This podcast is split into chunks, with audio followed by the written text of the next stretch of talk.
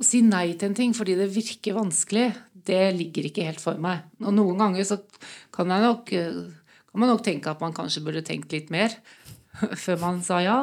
Men så tenker jeg at du må jo bare prøve. Og hvor gærent kan det gå når det er så gærent som det er? En podkast om smidig ledelse. Gnist et selskap med teknologiledere. De nyeste trendene innenfor teknologi. Mitt navn er Karoline. Og jeg er Silje. Dette er kort og godt med Gnist. I dag føler jeg at jeg sitter i studio her i Rådhusgata i Oslo med rojalt selskap. Jeg har fått besøk av eh, ingen ringere enn Kjersti Queen Hobøl. Kjersti er hele Norges eh, retail-redningskvinne og har bl.a. styrt både Kid Interiør og Nille fra konkursranden til bedrifter som blomstrer. Hun eh, er jordnær, har bein i nesen og leser handelsnæringen bedre enn de fleste. Hva er det som eh, gjør at hun er ekstra god når det gjelder, når andre tenker at det ikke er håp? Hvordan er det å være en god leder når det stormer som verst og utsiktene er usikre? Og hvordan ivaretar man sine ansatte oppi det hele, når du kanskje blir den som tar jobben fra dem til syvende og sist? Velkommen, Kjersti. Tusen takk. Du eh, har kanskje ikke blått blod, men for meg så er du eh, Jeg er en fan. Det må jeg si. Tusen takk. Tror du du har mange fans? Jeg vet ikke, men uh, man får jo bare prøve å gjøre sitt beste. Og så er det blå jakke. ja, det var det jeg skulle påpeke òg. Så det passer veldig bra. Men uh, vi skal hive oss over i, i fem kjappe, Kjersti, for jeg trenger å, å lære litt mer om deg. Uh, er du introvert eller ekstrovert? Jeg er nok ekstrovert på jobb. det må man være. Ja. Mm tror det er nødvendig å by på seg selv og være åpen og imøtekommende og invitere til samtaler. Mm. Men du trenger samtidig å lade, eller? Er det det du sier? Ja, jeg tenker sånn privat. Det er viktig å tenke på at den jobben du har, mm. det er en rolle du skal fylle. Det er ikke nødvendigvis sånn du er privat. Mm. At du er den som tar rommet i alle private settinger. Mm. og liksom tar, tar bare liksom eh, føringen. Mm. Så det beste som fins, er jo kanskje å være på en ferietur hvor alle andre har eh, lagt opp turen, og du bare kan være med og slipper å ta en eneste beslutning. Ja. Det liksom er toppen. Ja, men det blir sikkert sånn fordi du tar så mye beslutninger og ansvar i, i hverdagen, at når du først får det lille avbrekket, så er det òg veldig deilig. En god ja, balanse. Absolutt. Mm. Perfeksjonistisk eller uformell? Jeg vil absolutt si at jeg ikke er en perfeksjonist, og at jeg er veldig uformell. Og jeg tror det er veldig viktig å være. fordi hvis du skal perfeksjonere alt, så da, da rekker du ikke over, og du kommer ikke videre. Og du blir stående og file på sånne småting. Mm. Eh, jeg tenker at godt nok må være godt nok. 80 holder veldig ofte veldig lenge. Mm. Og hvis noen hadde vært hjemme hos meg, så hadde de skjønt at jeg var langt unna perfeksjonist. Men har du alltid vært sånn, da? Du har alltid skjønt ja. at det er lurt å bare gjøre noe, og så komme seg videre? Jeg tror, jeg tror, For det første så har jeg ikke tålmodigheten til å stå og file helt ut. Eh, og så er det det at eh, hvis du skal få ting gjort, så må du gjøre det unna og komme deg videre. Eh, og så har jeg eh, det ligger ikke for meg å være perfeksjonist. Mm. Jeg tror ikke jeg, jeg hadde ikke levert på perfeksjonisme i det hele tatt. Eh, så det som er perfeksjonisme for meg, ville kanskje for deg vært uh, halvveis. Ja. ja. Det skal Ja. Du har, du har, fått til mye, så det er tydeligvis ikke viktig å være perfeksjonist, tenker jeg. Inn- eller utland? Jeg er jo veldig glad i Norge. Kjempeglad i Norge. Så innland for meg er veldig fint. Samtidig så har jeg utrolig mye gode ferieopplevelser og turopplevelser i utland. Men hvis jeg måtte velge, så hadde jeg kanskje valgt innland. Fordi det er så mye i Norge som vi ikke ser. Bare det å være turist i Oslo, f.eks. Jeg bor jo rett utenfor Oslo. Det høres veldig langt ut. Jeg bor i Ytre Enebakk. Det er ikke så veldig langt unna. Men det å være turist i Oslo, det, det er vi jo nesten aldri. Så jeg tror vi har mange mange perler i Norge vi med fordel kunne opplevd enda mer. Mm. Jeg merker veldig på det når jeg får besøk i Oslo. Jeg er jo ikke en, en, innfødt. Eh, det er veldig mye jeg har til gode å se. Så når folk lurer på hvor vi skal, hvilke sites er det vi burde se på først, så blir jeg litt uh, svarskyldig. Ja. Men um, mm. Og så var det noe annet jeg tenkte på. Jo, Ytre Enebakk. Har du sett 'Jakten på kjærligheten'? Eh, ja. Var ikke det en bonde fra Ytre Enebakk med deg? en frier. En frier, ja. Frier. Martin. Ja, Han bor eh, ikke langt unna oss. Ok. Ja, Martin er en kjempehyggelig kar, så han var frier nå i siste sesongen. Ja, Ja. riktig. Koselig. Ja, Matematikk eller språk? ja da må det nok bli matematikk. Ja. Ja. Eh, Jeg er nok bedre til å regne enn å ha språkøre. Mm. Så det tror jeg nok er ikke så veldig mye å lure på, egentlig. Men eh, er det, er, hvordan er engelsk i, i din eh, jobb i dag? Må dere bruke mye av det? Ja, det, det er det jo, med leverandører og uh, alt mulig sånn. Så det, og det er ikke noe problem, men jeg, jeg er jo ikke den som snakker fem språk flytende. Nei. Si det sånn. Nei. Det, Det hadde vært kult. Jeg, jeg misunner litt de som, eh, som uh, mestrer det. ja. Men eh, ja, vi kan ikke få i pose og sekk. Nei, det er jo ting man gjerne skulle ønske. Altså det å ha sangstemme, det, må, liksom, det er jo en gave, ikke sant? Ja. det er, de fleste av oss har ikke det. Jeg har ikke det. Så, men no, det, jeg tenker da må du erkjenne at det har du ikke, men da har du kanskje andre ting. Så da må du heller bruke det du har, til fordel for å dra nytte av det. Ja. Men uh, dette står ikke i fem kjappe spørsmål, men du høres veldig fornuftig ut, eller veldig positiv, eller uh, er det en riktig uh... Altså jeg tenker sånn at de dagene som går, de kommer jo ikke igjen. Og hvis du Du kan jo velge om du vil prøve å gjøre det beste ut av det, eller om du vil se svart på det. Og for meg så har det alltid vært sånn at hvis jeg prøver å se det positive i tingene, så kan jeg få noe positivt ut av hver dag. Eh, og hvis jeg bekymrer meg veldig, så er min erfaring at det jeg bekymrer meg for, det skjer jo ikke. Det skjer jo noe helt annet. Så det å bruke mye tid på å bekymre seg, det, det er litt som bortkastet energi. Og da mener jeg at du mentalt kan trene deg opp til å velge å tenke positivt. Og prøve å se mulighetene. Og så sier jeg ikke at det alltid går. Men hvis du grunnleggende prøver å tenke positivt, så tror jeg du kommer i sum litt bedre ut av det over tid. Og etter hvert så blir du litt sånn Ok, hvis, ikke, hvis det går gærent, da, hva gjør jeg da? Jo, da kan jeg gjøre sånn eller sånn. Og så har du da en plan B, og da er det plutselig ikke så farlig om det gikk litt galt. For da har du liksom tenkt på hva, du kan snu det til. Ja. Og jeg tenker, når du står i litt sånn vanskelige ting, det være enten jobbmessig eller privat, så må du prøve, prøve å lage en analyse på ting. Det er da den matematiske analysegreia kommer inn. Liksom pro, kontra. Hva er verst? Hva er best? Hva er det verste som kan skje? Hva, hva er det beste du kan oppnå? Og så må du prøve å manøvrere innenfor det. Så det å, å tenke gjennom ting, um, om det er store eller små ting, uh, det har i hvert fall for meg vært veldig til hjelp, da. Men har du alltid klart å, å liksom legge, ha det tankesettet, mindsettet, på i Jeg livet? tror, jeg tror det har litt med oppvekst å gjøre. For min far var jo i Forsvaret, i Luftforsvaret. Så vi flyttet jo veldig mye eh, fra flystasjon til flystasjon når vi var små. Og, og du måtte jo bytte skole og miljø og venner hele tiden. Og hvis du da tenkte negativt på det, og bare så problemene og at det var dumt, istedenfor å prøve å se kan, Treffe nye venner, oppleve nye ting, så ble jo hverdagen din veldig forskjellig om du hadde et positivt utromme på det, eller et negativt. Så for meg så var det en sånn overlevelsesmekanisme for å komme seg gjennom de der særlig første ukene når du er helt ny. Altså Du er den nye jenta i klassen, du kjenner ingen. Og alle vet at faren din han er sjefen på den flystasjonen, og antageligvis sjefen til alle de fleste i klassen. Det er liksom ikke akkurat top notch, da. Så det, så det er en sånn, ble en sånn overlevelsesmekanisme for å, å runde den bøya, og så gikk det seg alltid til. Men det var mye bedre å ha en positiv vinkling på ting og være positivt innstilt til å bli kjent med nye mennesker og hva, hva man drev med eh, der, enn at man så mørkt på det. Ja, det elsker jeg. Men eh, når du kom, kom i klasserommet der, følte du at du måtte bli en av de andre, på en måte? For jeg vil jo tro at det er litt ulikt fra sted til sted hvordan man oppfører seg. Jeg tror det som falt naturlig for meg, da, var å ta en veldig sånn forsiktig approach. Og bare liksom si hei og hva du heter, og så bare være rolig. Og så observere, Observere. Og kanskje prøve å bare bli kjent, da. Uten å på en måte være så mye. Ja. Så man kan jo kanskje si at man ble en kameleon i, i starten, i hvert fall. Før man liksom fant et ståsted. Um, og sånn tror jeg det har vært for mange av de i min generasjon som hadde den barndommen den oppveksten. Den er ikke spesiell, den. altså. Det er det er mange som har hatt.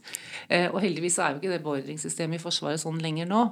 Men eh, det er jo en dimensjon at du eh, ikke får hatt bestevenner som du har gjennom hele tiden, men som du flytter til og fra og detter ut og inn av livet ditt. Så, så det, det er positive ting ved det.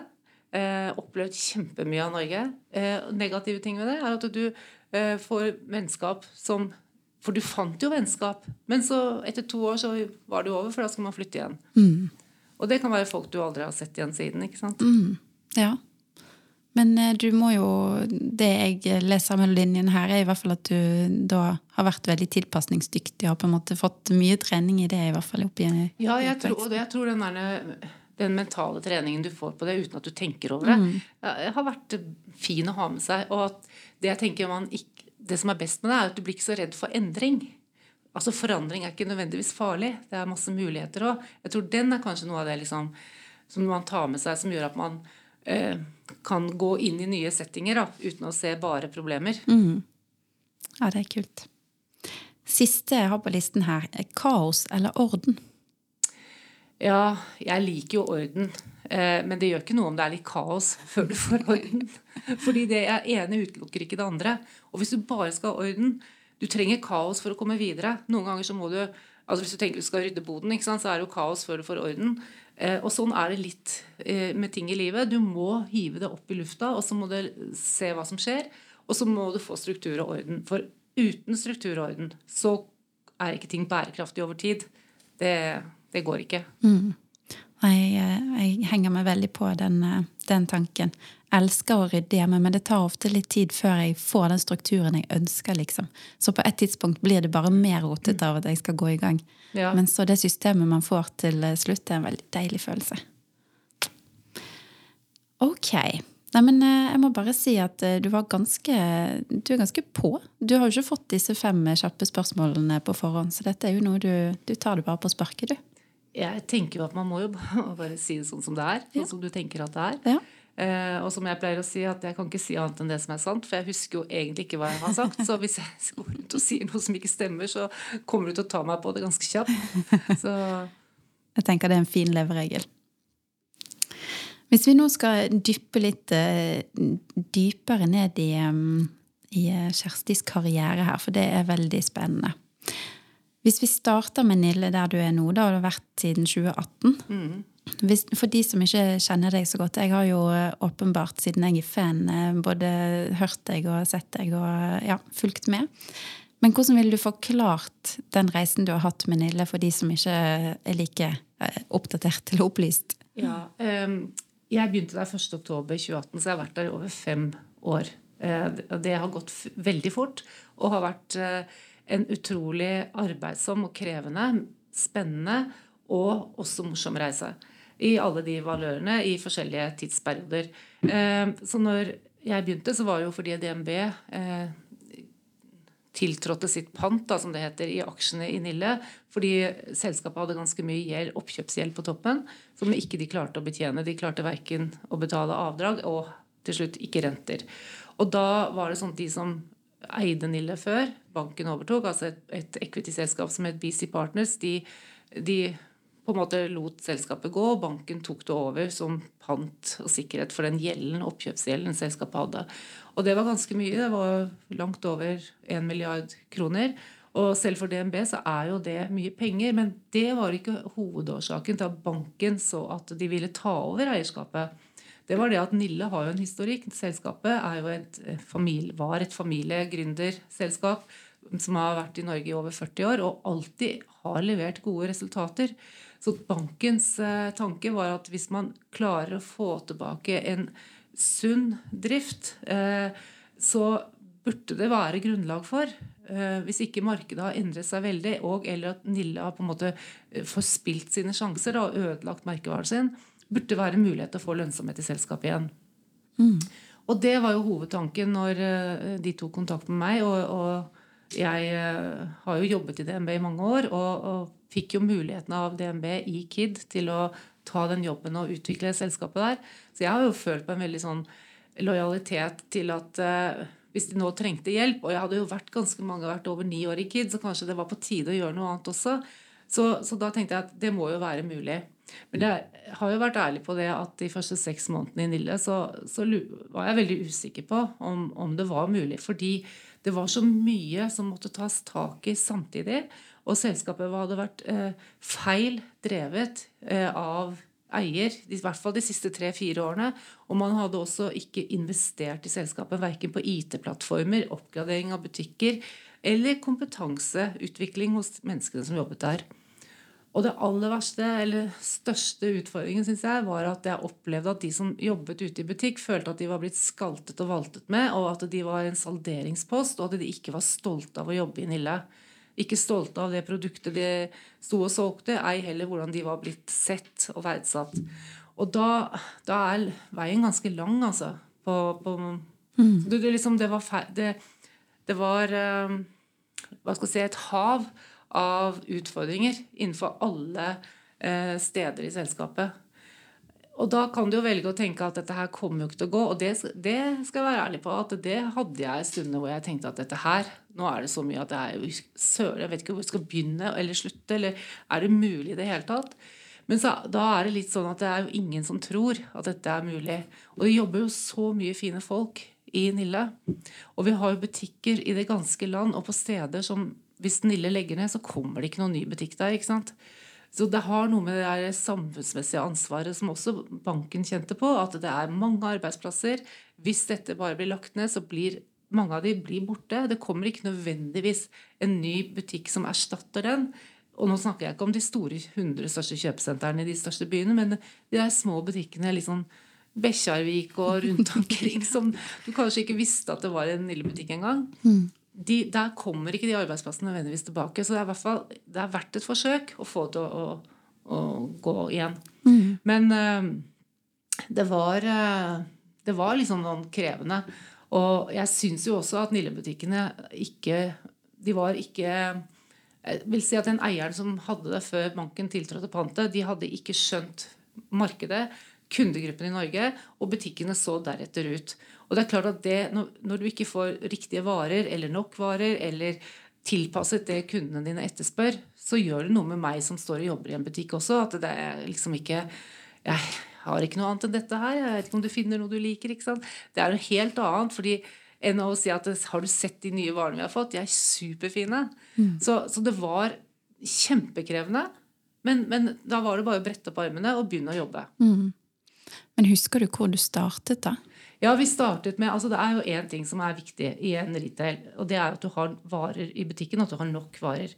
Etter min vurdering så hadde vi masse varer på sentrallageret vårt i Vestby og lite varer ute i butikk. Og så hadde akkurat selskapet eh, fornyet seg i forhold til at man har fått ut et nytt ERP-system, altså som er hele basisen i hvor du bestiller varer, og du legger opp varene, og du kan vareforsyne butikkene. Og det var helt nytt. Det var liksom satt i gang måneden før. Og det fungerte jo ikke optimalt, for det gjør ikke sånne systemer med en gang. Vi hadde ikke oversikt over hvor, hvilke varer som var på hvilket sted. Vi hadde ikke oversikt over hvor mange, mange, lys de hadde, eller hva som helst. Men det eneste vi visste, var at vi, hvis vi dro rundt i butikkene også, så var det lite varer der. Lite dårlig varetrykk. Masse varer sentralt. Og da var det bare å si at ok, vi får bare begynne å pushe ut varer. Hva er, vi, hva er brød, smør- og brødvarene i Nille? Det er jo det er telys, det er kubbelys, det er servietter. Ting til å dekke bordet. Få det ut. Så får de, vi får bare trylle ut i butikk. For uten varetrykk så får vi ikke opp omsetningen vår. Og vi trenger å få ut de varene for å kunne få inn eh, cash, sånn at vi kan kjøpe nye varer som kanskje er en litt annen type varer, som er liksom mer to the point, og utvikle sortimentet vårt. Og det fungerte jo, det at butikkene plutselig fikk nok hvite kubbelys. At de fikk nok røde lys til 17. mai. At vi hadde nok julevarer. Vi, og ikke minst at vi fikk på plass en driftsorganisasjon som eksponerte varene på en annen måte. For før så hadde man satt alle nisser ett sted. Alle lys ett sted. Alle servietter et sted. Mens nå blandet man det, så man fikk, fikk fram forskjellige stilarter. Og plutselig så, så butikken helt ny og annerledes ut, men med den samme varepakka. Men det var bare eksponert på en annen måte. Mm. Så det er, det, er, det er, ikke nødvendigvis de store, tunge tingene, men det er det å få gjort det. Og, det det, og da hadde vi nesten 400 butikker, så det var å få 400 butikker til å gjøre det samme samtidig. Som heller ikke var vant til å gjøre dette her. Mm. Så det var jo en, en eh, veiv da, som man skulle gjennom. Det høres absolutt sånn ut. Og litt fort òg. Ja, ikke sant? Ja, for når man står der, man har ikke penger, da er jo eh, tiltakene begrenset òg, for man kan på en måte ikke Ja. bruke mer Nei, for å forbedre Men det vi hadde, vi Ja. hadde helsikes mye varer på lager. og, og da er, får jeg jo si som Petter Stordalen, du må selge de bæra du har. Og da er wrapping is everything. altså Da må du få vist fram de varene på en ordentlig måte. Og eh, liksom pakketterte og, og, og liksom løfte verdien av varene. Og det er klart, En av de største utfordringene vi så da, når vi begynte å få fylt opp med varer, var at eh, butikkinnredningen, altså sånn som butikkene var, dro ned varepakka. Altså, varene, Det var ikke noe galt med varene, men i de reolene vi hadde, og de gammeldagse innredningene, så så Altså, det gjorde at varene så dårligere ut enn Ja. det de egentlig var. Så det var liksom også en sånn ting vi bare Vi er nødt til å se på hvordan skal en Nille-butikk se ut. Og da har vi, har vi fortsatt en butikk i Bogstadveien. I Bogstadveien så er jo en, fortsatt en travel handlegate hvor veldig mye folk går. Eh, Og de går forbi butikker hele tiden, og det var det de gjorde på Nille. De gikk forbi. Det var ikke en kjeft som gikk innom, for butikken så jo ikke ut. Så det vi sa da, var at vi tegner sammen med, en, med butikkinnredningsleverandøren vår. Vi tegner en ny innredning og tester ut i Bogstadveien. Funker det i Bogstadveien? Med de menneskene som bor på Oslo vest der, da funker det i hele Norge. Hvis de syns det ser fint ut, da ser resten av Norge synes det ser fint ut. Så da gjorde vi det. Og fra den dagen vi åpna med en ny butikkinnredning, akkurat de samme varene, ikke noen spesielle varer der, så mer enn dobla vi omsetningen. Og det har den butikken fortsatt å gjøre. For da plutselig fikk du vist fram varene på en ordentlig måte. Det var bare at du hadde ny, nytt inventar, altså nye møbler, inni butikken. Og, og, og tenkte på en annen måte å, å løse planen på hvordan, hvor varene sto plassert. da. Sånn at det ble en større helhet og naturlig gange inn i butikken. Men for en fantastisk pilot, og det er jo en veldig god idé òg at dere, dere ser på hva dere har, og tar det mest, eh, en av de mest travle butikkene som kan gi et veldig godt skussmål på om det dere Ja. justerer på, faktisk vil funke. da. Og så tenker jeg at de som bor på Oslo, Majorstuen, Bislett, eh, de er litt kresne. De vil liksom tar jo ikke hva som helst. Og det er jo en handlegate med veldig mange flagstores og fine butikker, så vi var jo nødt til å liksom finne et konseptuelt ståsted som ville kunne levere på det, uten at det kosta skjorta. For det er viktig å si det, at eh, selv om DNB eier Nille, så har ikke vi fått ei krone i noe ekstra tilført av midler. Det var liksom mandatet. Her er gjelda. Eh, den har en rente sånn og sånn. Vi kan konvertere noe av det til egenkapital, men dere må klare dere med de rammene dere har. Fordi banken kan ikke forfordele Nille som kunde. Altså, banken har mange av våre konkurrenter som kunder, så vi må behandles på lik linje kredittmessig i banken som enhver annen bedrift. Og det har liksom vært premissene da, for å gå inn og gjøre det. Så det, så det som på en måte egentlig var eh, eh, et minus i selskapet, at du hadde så stort varelager, det, var, det tenkte jeg det er jo et pluss. Det der er jo penger. Jeg må bare få det ut av det varelageret i Vestby og ut i alle butikkene og omsette det til cash, så vi kan begynne å investere og kjøpe, utvikle sortimentet og kjøpe nye, fornye sortimentet så det blir mer relevant. Men det høres ut som du er veldig hands on, men hvordan balanserer du da strategiarbeid med dette å liksom faktisk være inne i butikken og peke på ting som ikke funker, eller hvordan jobber du Ja, der? altså, jeg tenker det henger litt sånn hånd i hanske. For når du er ute i butikken, så ser du jo eh, Vi hadde en del varer altså Ting utvikler seg jo. Bare ta noe så dumt som ko- konvolutter. eh, Nille hadde mye konvolutter. Det er ingen som skriver brev lenger. Da er det kanskje ikke det vi skal ha videre. Det var et veldig enkelt eksempel. Men vi har gått og sett på, når du er ute i butikk, så ser du på varekategoriene hva som fungerer, hva folk går og kjøper. og Det ser du selvfølgelig på datafangsten din òg, men det visualiseres enda bedre når du er ute i butikk. Eh, og da tenker du liksom hva, hva er det vi ikke har? Hva er det Nille kan selge? Hva er det jeg som kunde kan tolerere å kjøpe på Nille, som har troverdighet innenfor Nille-konseptet? Og da, da begynte vi med nye kategorier, sånn som dyner og puter og sengesett, som vi driver, har drevet og testet ut, og det har blitt veldig godt mottatt. Så det er jo et satsingsområde for oss videre. Også fordi Nille ligger veldig mange steder hvor det ikke er andre konkurrenter også. Så for oss har det vært eh, en viktig ting. Altså teste ut nye kategorier, utvikle kategorier, legge ned andre kategorier. Det elsker jeg i mitt yrke, og det er veldig viktig å, å prøve å altså, teste med kunden. Hva er det kunden egentlig trenger fortløpende, da. Men Eh, hadde du klart dette uten den erfaringen fra KID, tror du? Der du gjorde noe tilsvarende? Nei. Jeg, jeg tenker det er veldig greit å bli både gammel og litt erfaren. For jeg tenker at eh, du må, du må tåle å stå i det. Ja, og jeg syns det var tøft.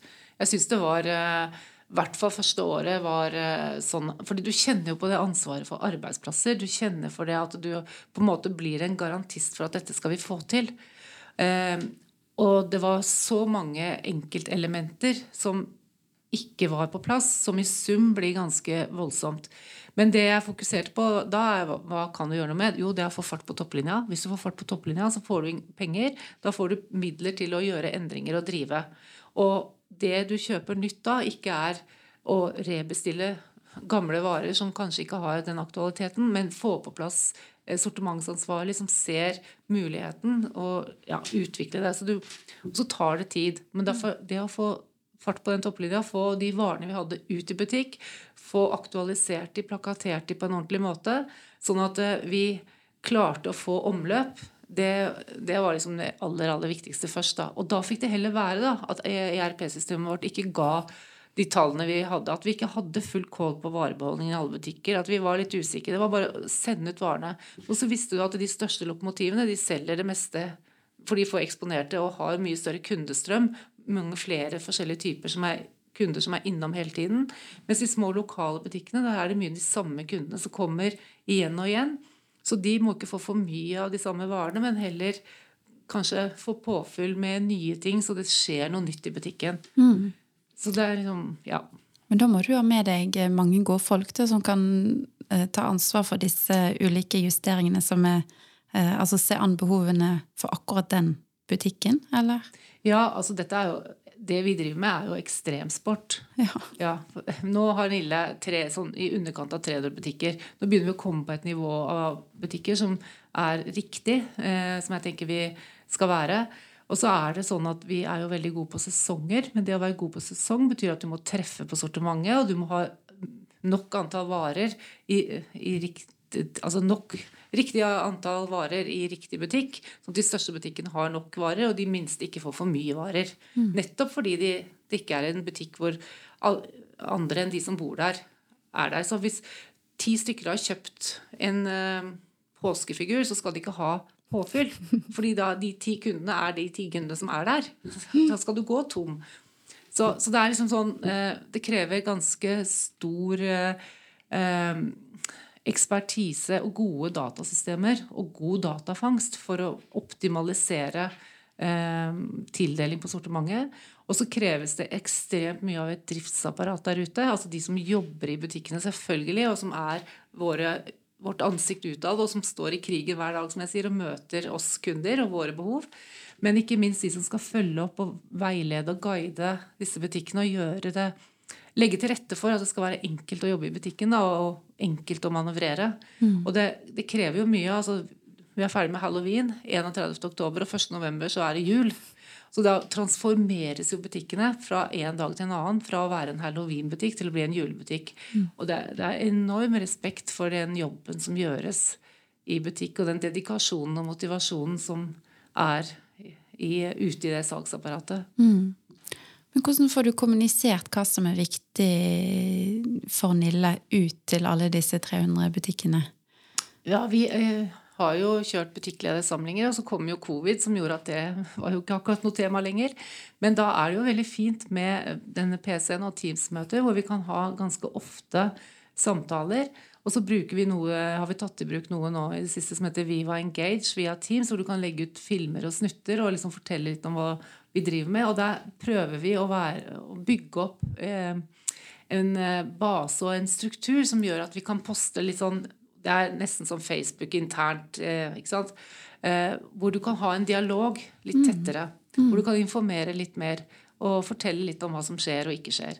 Så det er klart at Vi får jo ikke samlet fysisk 300 butikker veldig ofte. Det er helt umulig. Ikke har du råd til det, og det tar for mye tid. Men via teknologien vi har nå, den digitale, så kan du kommunisere på en helt annen måte. Og så erfarer jeg at eh, folk er ganske motiverte og har en veldig sånn dedikasjon for jobben sin. Så det kommer jo gode innspill inn, og det kommer, altså de tar opp ting. Så vi prøver å jobbe med å få på plass, da.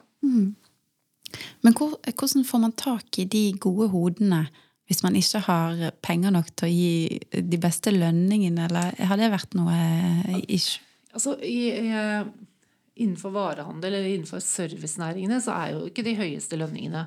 Det, dessverre. Og jeg syns jo at servicehandel, altså det, eller serviceyrkene, det være seg om du jobber på hotell eller i varehandel, burde vært, uh, hatt en mye større respekt. Ikke sant? Dette her med at jeg kan alltid sitte i kassa på Rema, det burde ikke vært lov å si. Mm. Det er jo en kjempejobb folk gjør. Hvor skulle vi vært uten det? Mm. Uh, men der er det jo heldigvis da, både tariffer og ordninger uh, avtalemessig som vi følger. Og det er jeg veldig opptatt av. At vi følger alt som er av lover og regler og lønnssystemer. For hvis ikke vi kan gjøre det, da er vi jo ikke liv laga. Så det må vi.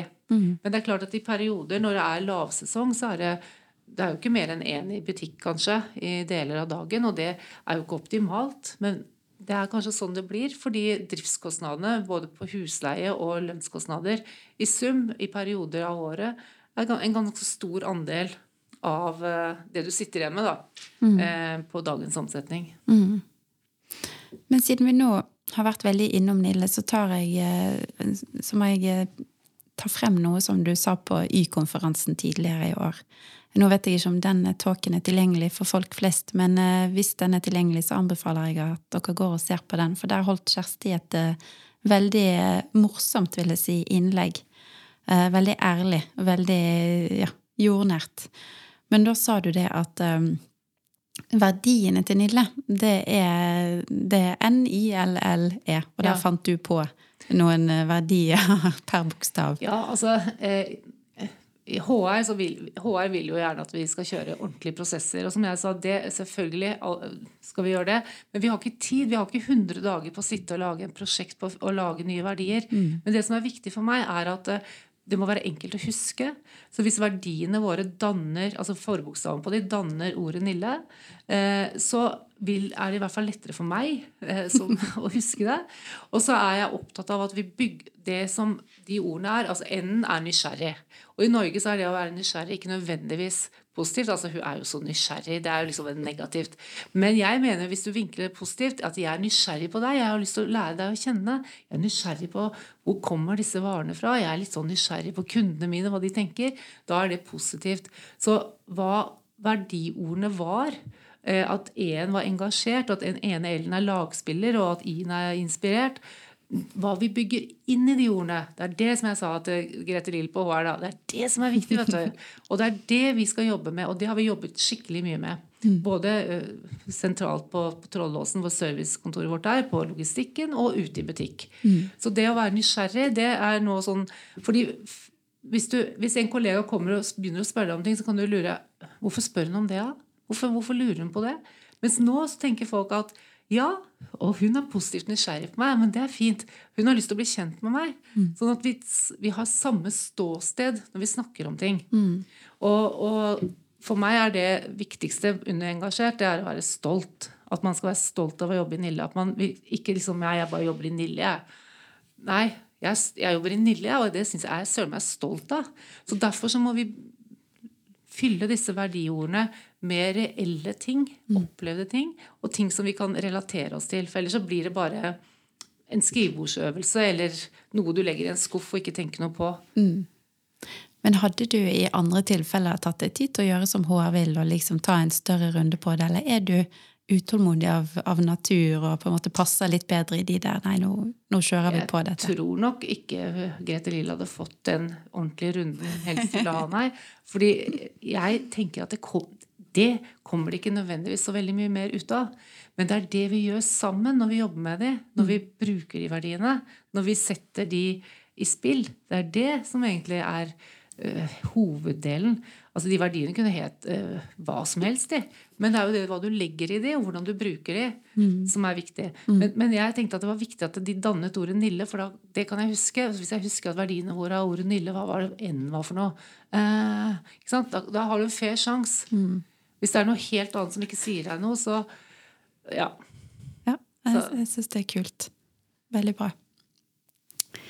Skal vi se her nå, Kjersti Ja, vi har kanskje vært litt innom det, men dette med å rydde opp, hva er det ved deg som gjør at du liksom er så god til å, å rydde?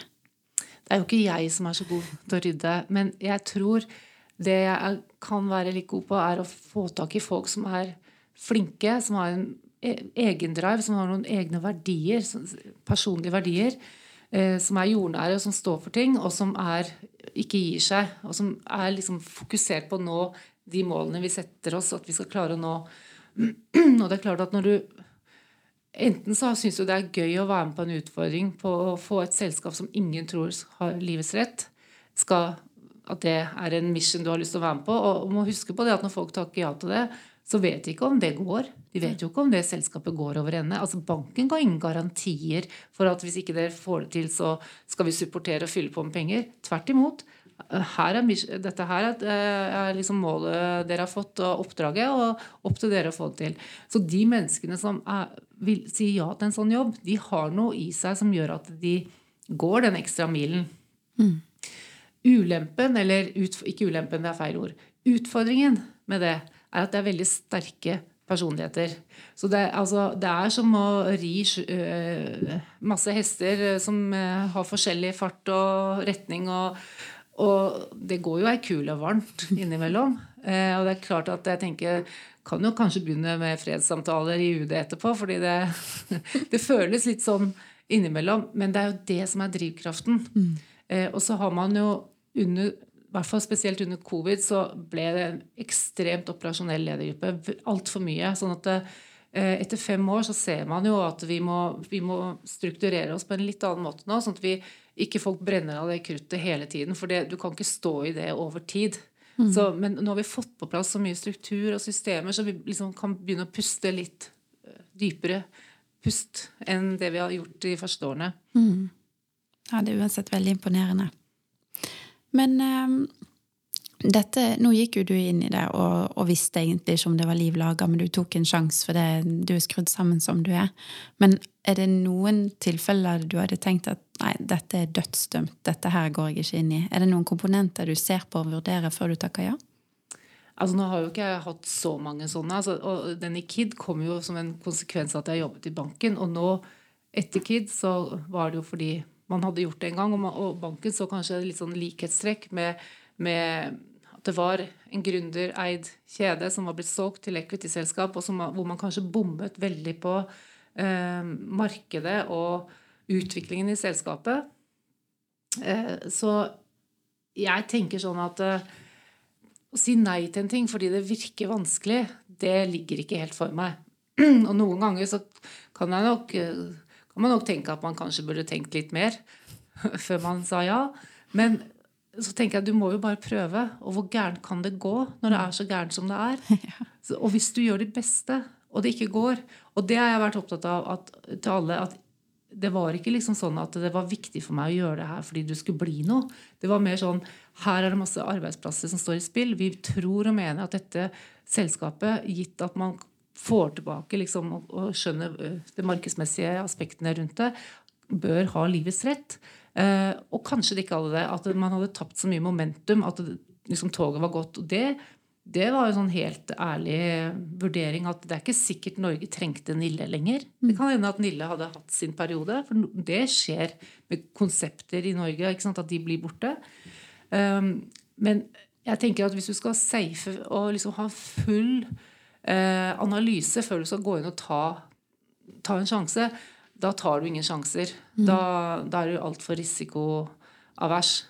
Og jeg er jo ikke en sånn som har høy risikoprofil ellers, men akkurat det å tørre å gå på en utfordring, det, det mener jeg flere, og spesielt jenter, bare må gjøre. Ikke mm. tenk så mye på hva som kan gå galt. Tenk heller hva du kan, hva du kan klare å få til. Mm. Og husk på det er som eh, hvis du spiller kort og skal by, og du skal få med deg en makker, så må du regne med at den makkeren kan tilføre noe også. ikke sant? Så det, de folkene du får med deg, de tilfører jo masse. Det er jo ikke noe man står i alene, dette her. Mm. Dette er jo en, en, et team som mm. jobber sammen. Nå tok du meg til kortspillet 'Amerikanerne', det det heter? Der man skal by på noe ja, da, par og noe greier ja. med, ja, med en partner. Ja, så har du trumf, og så, ikke sant? Og, så, og da, da, sitter du og har egentlig mye bedre kort på hånda enn det du vet selv. Mm. Og det tenker jeg er litt sånn det er å jobbe. Og når du, får, når du klarer å få Når vi fikk på plass omsetningen, når vi så at det vi bare fikk ut varene Det var ikke dårlige varer, men de, vi måtte eksponere dem på en annen måte. Og det begynte å rulle. Da begynte du å få hull på den ballen. Og når du liksom, som jeg sier, kunne runde den første bøya Altså du fikk skipet til å seile rett fram og ikke gå på grunn hele tida. Da fikk du handlingsrom til å begynne å sette i gang og gjøre flere ting. Mm, ikke sant. Og Det- motivasjon. Ja, og motivasjon. Det som er eh, krevende, er at vi alltid jakter nye forbedringspotensial, og vi er sjukt dårlige på å feire det vi har fått til. Eh, Så det er liksom sånn note to self 2024. Prøve å feire litt mer det vi faktisk har fått til. Og ikke bare se på at ja, men vi skulle gjort det bedre sånn, og hvis vi hadde gjort sånn, så hadde vi klart det bedre sånn. Fordi det er det umuliges kunst, det vi driver med. Vi er en egeneid kjede. Vi sitter liksom på hele verdikjeden. Vi kommer alltid til å gjøre noe feil. Mm. Den dagen du klarer å suboptimalisere, da tror jeg da bruker du for mye tid på planlegging eller et eller annet annet i den andre enden. ikke sant? Ja. Det, det var en kollega av meg som eh, snakket om optimizers. Han hadde hørt på en podkast. Og optimizers de eh, prøver hele tiden å optimalisere uh, ja, helt sikkert alt her i livet. Og jeg kan relatere litt til det. Og de får til veldig mye, men de er ikke nødvendigvis lykkeligere enn andre. Nei.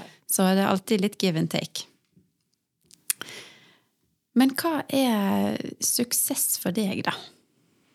Ja, for meg så er det Når vi skjønte at dette skipet eh, bærer, at den flyter, og at dette her faktisk er mulig å få til, da kjente jeg på en sånn utrolig sånn Åh, det her er fint. Er, nå, nå, er dette, nå er faktisk Nille en litt sånn trygg havn å jobbe i. Det for, for en butikkleder eller for en butikkmedarbeider å vite at denne butikken jeg jobber i, det her kan jeg faktisk bli hvis jeg vil. Den skal ikke legges ned, eller det, her går det bra. Vi klarer budsjettene våre. Se at folk begynner å trives. Og den aller beste følelsen, den hadde jeg eh, 15. juni i år. Fordi da kom en del av de som jobber på servicesenteret, og sa de, vi har lyst til selv å lage en sommeravslutning. Eh, altså De ville bruke tiden sin og fritiden sin på å lage en felles avslutning for, eh, for som, alle som jobbet eh, på servicesenteret.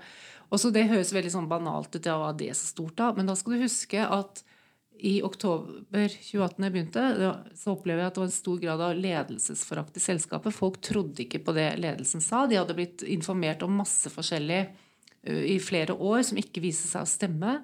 De hadde bl.a. fått beskjed at nå overtar banken, for det gjorde de 1. mai i 2018, og da kommer alt til å gå bra. Men det gjorde? Akkurat som banken kommer med seddelpresse og trykker penger på bakrommet og så bare fortsetter som før. Vi var jo ikke det. Og når jeg kom, så var det jo masse oppsigelser og endringer. Så de, de har liksom tilliten og stoltheten var ikke til stede. Eh, Og det tar lang tid å få folk til å stole på at det du sier, er faktisk det som skjer. Det skjer ikke noe annet. Det er ikke noen underliggende agendaer. Vi informerer. Vi kjører informøte en gang i måneden og informerer om alt. Sånn har det gått, sånn har det ikke gått, dette tror vi, sånn ser prognosen ut. Sånn at folk skal føle trygghet for at de vet hva som skjer, i stedet for at de skal gå og bruke tid på å lure på hva som skjer. Så når de kom og sa at nå har vi lyst til å gjøre noe felles sammen For vi har jo ikke hatt penger og råd til å ha noe særlig verken julebord eller samlinger eller den type ting. Sånn utover butikkledersamling som er sånn faglig orientert. Så tenkte jeg ja, nå har vi liksom kommet et stykke videre. Nå har de faktisk lyst til å være sammen med kollegene sine, og de har lyst til å bruke tid på å arrangere òg. Det syns jeg var, var sånn yes! Ja, det er et Nå- veldig godt tegn. Ja. At eh, man sosialt eh, trives også. ja. Man hører jo at du har en genuin um, interesse for mennesker, og det liksom står veldig høyt hos deg å ta vare på folk. Men hvis du er den som får oppdrag å, å sparke og si opp og ta levebrød fra folk, hvordan håndterer du det? Altså, det er jo sånn at uh, uten at du gjør det, så mister alle jobben. Og hvis du ikke evner å ta tak i det, så, så kan du jo ikke ha, ta det ansvaret. Og det er jo fryktelig kjedelig. Men jeg tenkte, da kommer litt den der analytiske delen inn igjen. ikke sant? Eh, eh, hvor du tenker at eh, vi Det er jo ikke noe gøy å sitte der og lure på om du har jobb. Det er det ingen som syns er ok. Jeg syns i hvert fall ikke det. Det er mye bedre at noen kommer og sier at vet du hva, dette fungerer ikke, eller vi har ikke, det er, vi må nedbemanne. Ja. Fordi da kan du komme deg videre, for ellers så blir du hengende ofte i et vakuum. Og jeg er opptatt av det jeg kaller konsekvensbasert ledelse. At hvis jeg som leder ikke informerer deg eller gir deg ordentlige tilbakemeldinger på hva som fungerer og hva som ikke fungerer, hvordan skal du eh, for det første kunne endre det som jeg ikke syns fungerer, hvis du ikke får ærlige tilbakemeldinger og konstruktivt rettet, faglig relaterte tilbakemeldinger. Og så blir folk et case. Og, det, da, det, er jo å ødelegge for mennesker. Så det er jo mye bedre at vi da tar de samtalene. Og i, i Nille sitt tilfelle så var det sånn at det var altfor mye. Ryggsekken var for tung. Vi hadde ikke bærekraft til å ha så mye folk, så en del funksjoner måtte bare legges ned og automatiseres. Og så er det mange som har spurt deg, men hva med de som blir igjen, da? Men da er det litt sånn med oss mennesker at enhver er seg selv nærmest. Så istedenfor å sitte og lure på hvem av oss som får sparken, så er det sånn at når de kollegene som sluttet, sluttet, så har folk troen og tryggheten for at nå dette går. Nå skal jeg virkelig være med videre. Mm.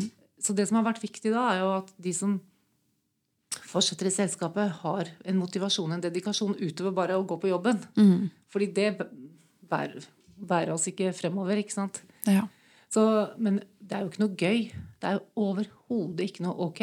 Men det må til, og det er en del av kalle næringslivet og en omstilling. Mm. Så hvis ikke du kan ta og håndtere den type ting, så må du, da, må du, da må du ta en annen jobb. Ja.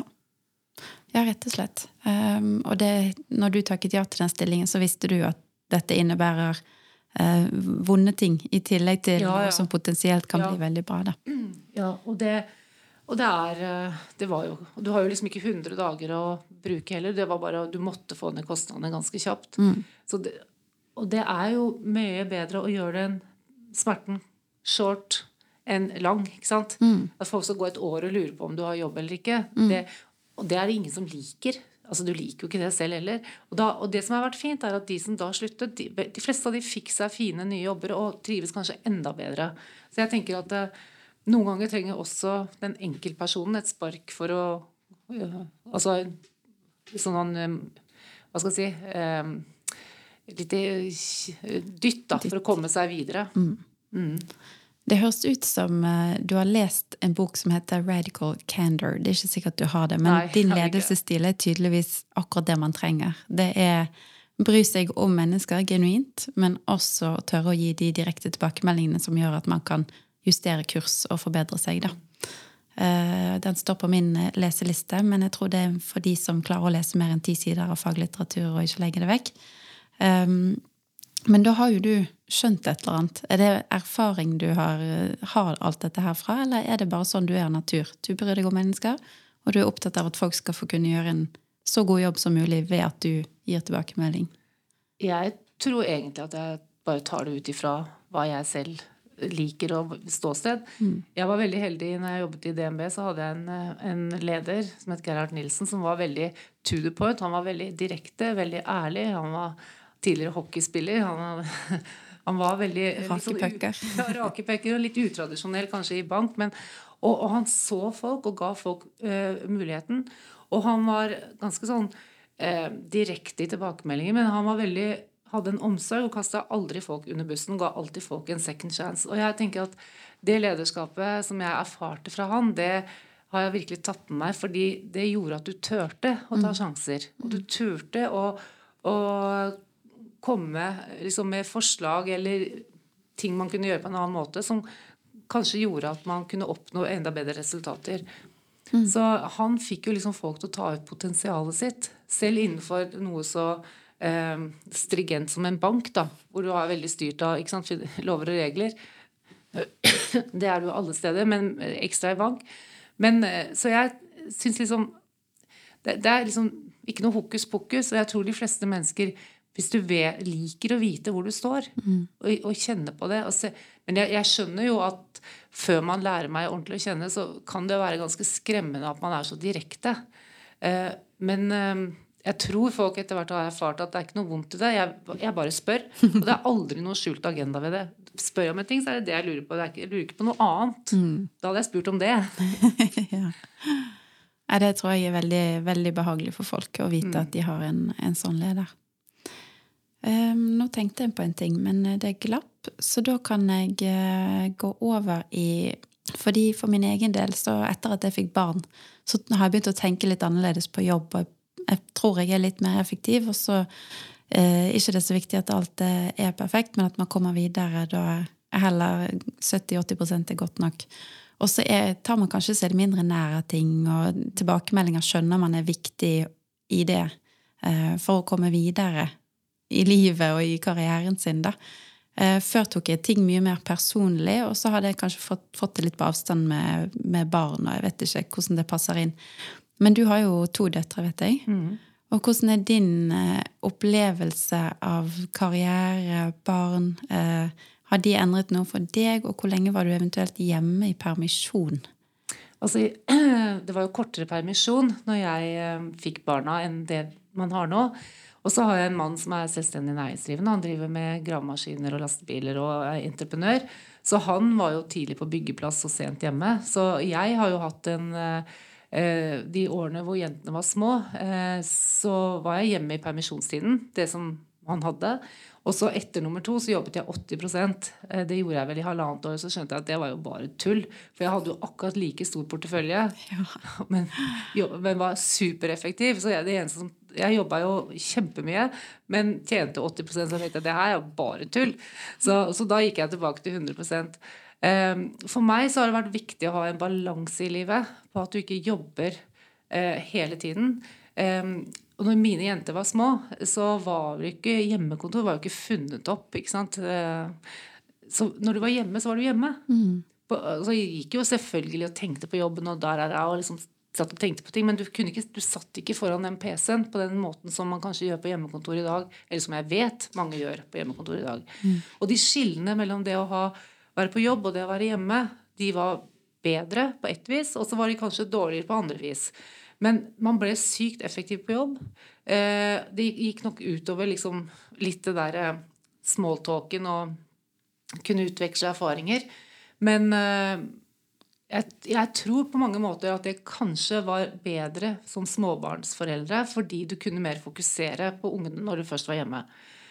Eh, og så har det vært sånn for meg at hvis jeg først har valgt å få barn, så har de vært pri én. Så hvis det noen gang har vært sånn at jeg måtte velge, da var det ikke noe liksom å lure på. Det, hvis jeg måtte velge bort tiden med ungene for å, å fikse en jobb, da får den jobben bare være. For det har aldri vært viktig for meg å være noe. Det er liksom tilfeldighet at man ender opp i det man ender opp i. Men jeg har heller ikke sagt nei til ting fordi jeg har tenkt at nei, det, det kommer til å gå ut over ungene. Det har jeg ikke gjort. Da tenker jeg heller at må finne løsninger på ting. Og så er vi to. Altså, hallo. Det er, og det tror jeg også for oss kvinner. Du, må ikke, du kan ikke ha et rent hjem, du kan ikke bake, og du kan ikke gå på trening og venninnelunsjer og champagnedyrer og boksirkler og vet ikke hva. Altså, du må forsake noe. Og hvis det å jobbe er en viktig greie, og det håper jeg det er for de fleste kvinner, og det å gjøre en god jobb og ha en meningsfylt jobb, ikke minst, så tenker jeg hvis du har det, og du har tid til å være sammen med ungene dine, så får det andre komme etter hvert. Det kommer tilbake. Ikke sant? Men i en periode i livet så blir det litt sånn at uh, du må prioritere. Så for meg så har det vært superviktig. Og det er litt sånn morsomt for hun eldstedatteren min. Hun har jo tatt en master i finans og, og jobber. Og på den forrige jobben hun hadde, så ble hun spurt om jeg var moren hennes. Og så sa hun ja, ja, det er mamma. Ja, du har vel ikke hatt en så god oppvekst, du da, med en mor som jobber så mye. Og hun ble så forbanna. Fordi det liksom viser hvorfor er det ikke sant, motstridende. Det du hadde aldri sagt det hvis moren min var en mann. Nei. Så fortsatt så henger det litt igjen at hvis kvinner gjør karriere eller jobb, har jobber som så, så, så tilsynelatende så forsaker du Da går det utover ungene eller hjemmet. Jeg tenker at det, det gjør ikke det. Nei. Og hvis du har mye å gjøre, så får du gjort utrolig mye òg. Ja. ja det, Så det er eh, Og så må du gi bengeren i om det ikke er helt ryddig og rent, og om ungene går i barnehage med klær som ikke henger sammen. Det, altså, vet du hva? ja. Det, alt kan ikke være på stell hele tiden. Nei, klærne blir så skitne og stygge i barnehagen uansett at uh, ja, Det begynte veldig pent hos oss, men jeg har innsett at det der orker jeg ikke holde på med. Nei, vet du, det, Så nå får pappaen lov til å kle på. Jeg Ja, eh, jeg lar det. det bare skje. Ja. Men uh, hvis du skulle ha studert i dag, da? Hva tror du hadde ja, fattet din interesse? det jeg egentlig ville bli, var å bli veterinær. Ja. Det var min store drøm. Eh, og så la de om opptakskriteriene til veterinærstudiet sånn omtrent da når jeg var ferdig på, på videregående. Hvor, fordi før det så kunne du opparbeide deg praksis ved å jobbe på, med dyr og på gård sånn i sommerferiene, men da skulle de ha et helt praksisår sammenhengende. Og da mista jeg litt motivasjon på det, så da ble det jo siviløkonomstudier istedenfor. Så da var kanskje ikke drømmen stor nok. ikke sant? For hvis den var stor nok, så hadde du kanskje gjort det. Men eh, hvis jeg skulle valgt i dag, så tror jeg faktisk at jeg hadde valgt å bli veterinær. Ja, så kult. Men har du dyr på gården din? Nei. Vi har, eller jo, vi har en bokser og en katt. Ja. Men Hva kom først? Hunden eller katten? eh, hunden kom først. Ja, Men blir ikke det da krangel i, i leiren? Nei, Hvis du har vært i nærheten av en katt, så skjønner du at den bruker nøyaktig to sekunder på å sette den hunden på plass, og så er den rammeordningen ferdig. Så, så det går helt fint. Det går fint. Ja, ok. Nei, men det er notert. Tror du man må bo på Ytre Enebakk eh, for å ha en lykkelig katt? Jeg har veldig lyst på katt sjøl. Nei, du trenger ikke det. Det og katter er jo fantastiske skapninger, Ja. men eh, de er veldig selvstendige. Ja, de er så, så de eier deg. Du Ja. eier ikke dem. Men det er det som er litt kult òg. De er litt sånn småarrogante. Og, ja. Men eh, fremtiden da, Kjersti? Nå har det jo vært litt eh, dystre tider med rentehevinger og strømkriser og kostnadsøkninger. Hva tenker du om fremtiden? Du ditt positive vesen. Ja, nei, jeg tenker jo at den, Jeg tror det fortsatt blir krevende. Jeg tror 2024, særlig første halvår, eh, kommer til å bli vanskelig. Altså Lommeboka til folk er det den er. og Nå er det jo snakk om eh, Nå får vi jo vite i morgen, 14.12., om det blir eh, rente, ny renteheving, eller om renten står stille. Det har nok noe eh, å si, og det har også noe å si det løn, kommende lønnsoppgjøret. At folk opplever å få en eh, økning i disponibel inntekt. Eh, Men det at det er krevende, det gjør jo at man må jobbe enda bedre og tettere og eh, virkelig prøve å stå i det. Jeg er litt usikker på hvordan det blir første halvår, også innenfor IT-bransjen, i forhold til likviditet i bedriftene. Fordi det har jo vært tøft, og mange har jo hatt en nedgang i omsetning og dårligere marginer og høyere kostnader. Og det er klart det, hvis ikke du har noen som kan tilføre selskapet ditt egenkapital, eller du driver dårlig, så, så kan det bli litt sånn tøffe tak fremover. Og så er det sånn at eh, man tilpasser seg jo. ikke sant? Det er jo bare sånn det er. Det har alltid skjedd. Og man vil alltid sitte og si at nå er det tøffere enn det noen gang har vært. Det vil man si om fem år igjen også. ikke sant? Så jeg tenker det handler om at vi må ha en innovasjon og en utvikling i selskapet som gjør at vi er relevante, som gjør at du har lyst til å gå og handle på Nille. og liksom Drømmen er jo at folk skal våkne om morgenen og tenke at i dag skal jeg på Nille. Tjoho! Det skjer jo ikke men, eh, det jo ikke. men, men vi må være relevante. Vi må ha et konsept og et ståsted som gjør at eh, Nille er et sted du, som er top of mind hos folk når de først eh, skal ut og handle. Og klarer vi ikke det, ja, da gjør vi ikke jobben vår godt nok. Så Det er liksom så enkelt og så vanskelig. Og det, det som skjer i verden nå, de innsatsfaktorene får vi jo ikke Vi får ikke påvirket de, de påvirker oss. Og da må vi bare relatere oss til det. Men jeg, jeg har, det har aldri vært så tøft og utfordrende noen gang så lenge jeg jobbet i retail, som det er akkurat nå. Det må jeg få lov å si. Det er ekstremt krevende. Og sånn sett, eh, relatert til det spørsmålet du spurte om tidligere, så er jeg liksom glad for at man har vært med en stund. At man kan stå i det, liksom. Og, og tenke at dette her vi må komme oss gjennom. Jeg har sagt at 2023 det blir å trø vannet. Mm. altså, vi kommer ikke til å klare det vi har målsatt oss, men vi kommer til å gjøre det bra i relasjon til at markedet er sånn som det er. Og det er viktig å ta med seg. Ikke, altså ikke man blir deprimert, liksom. Vi jobber og jobber og jobber, og så klarer du ikke nå det du har satt som premiss. da. Ja, for da er det gjerne ytre faktorer, eksterne faktorer, som du ikke har kontroll på overhodet, som gjør at ting blir som de blir. Ja, Vi importerer jo mye av det vi selger, og, med en så svak krone så er det klart at eh, og høye fraktkostnader, som heldigvis nå har normalisert seg litt, mm. så har du høye strømpriser. Du har en, hatt en veldig høy eh, konsumprisindeks som har påvirket eh, leiekostnadene våre. Eh, og så får du dyrere, eller høyere, dyrere lønnsoppgjør som følge av det som har vært. Så det er klart at det, kostnadsnivået øker vesentlig mer enn det du klarer å ta det igjen på topplinja. Og da går det utover lønnsomheten i, i selskapene. Og da er hvem er det som har en kapitalbase og en struktur som gjør at de klarer å komme seg gjennom det. Nei, det er spennende. Du må være laget av noe Ja, noe ikke enhver mann eh, er, tror jeg. Du har noe Ja, men jeg tenker at det, du må, du må, da, du kan, da kan jeg enten velge å gå og bekymre meg på hvordan dette skal gå, eller så kan jeg prøve å jobbe med mulighetsrommet, som gjør at vi får fart, holder farten på den skuta. At ikke den dabber av, så vi går på grunn igjen. ikke sant? Fordi der er vi ikke. Så jeg tenker du må se mulighetene. Og hva er det, hva er det folk vil ha? Hva er det de tenner på? Hva er det de liker? Hva er det vi selger mest av? Hva er det vi skal bli bedre på? Så hvis du kan jobbe konseptuelt strategisk med det nå, så kommer det tider etter dette som blir bedre igjen. Og det er da vi skal være riktig posisjonert. Sånn at du tenker at på Nille, det er der jeg skal gå, for der har de mye kult. Ja, det er kult. For alle som, eh, som har muligheten til å møte Kjersti, så må jeg bare si eh, go do it. For det er en, eh, en veldig bra dame. Og hun sto til mine forventninger, og vel så det. Tusen takk for at du kom, kunne komme, Kjersti. Takk for invitasjonen. Dette var kort og godt med Gnist. Du kan ta kontakt med oss på podkast.gnist.as hvis du har noen tilbakemeldinger til oss. Og vi tar gjerne imot rake pucker også. Ha det bra. En podkast om smidig ledelse. Gnist er et selskap med teknologiledere. De nyeste trendene innenfor teknologi. Mitt navn er Karoline. Og jeg er Silje. Dette er Kort og godt med Gnist.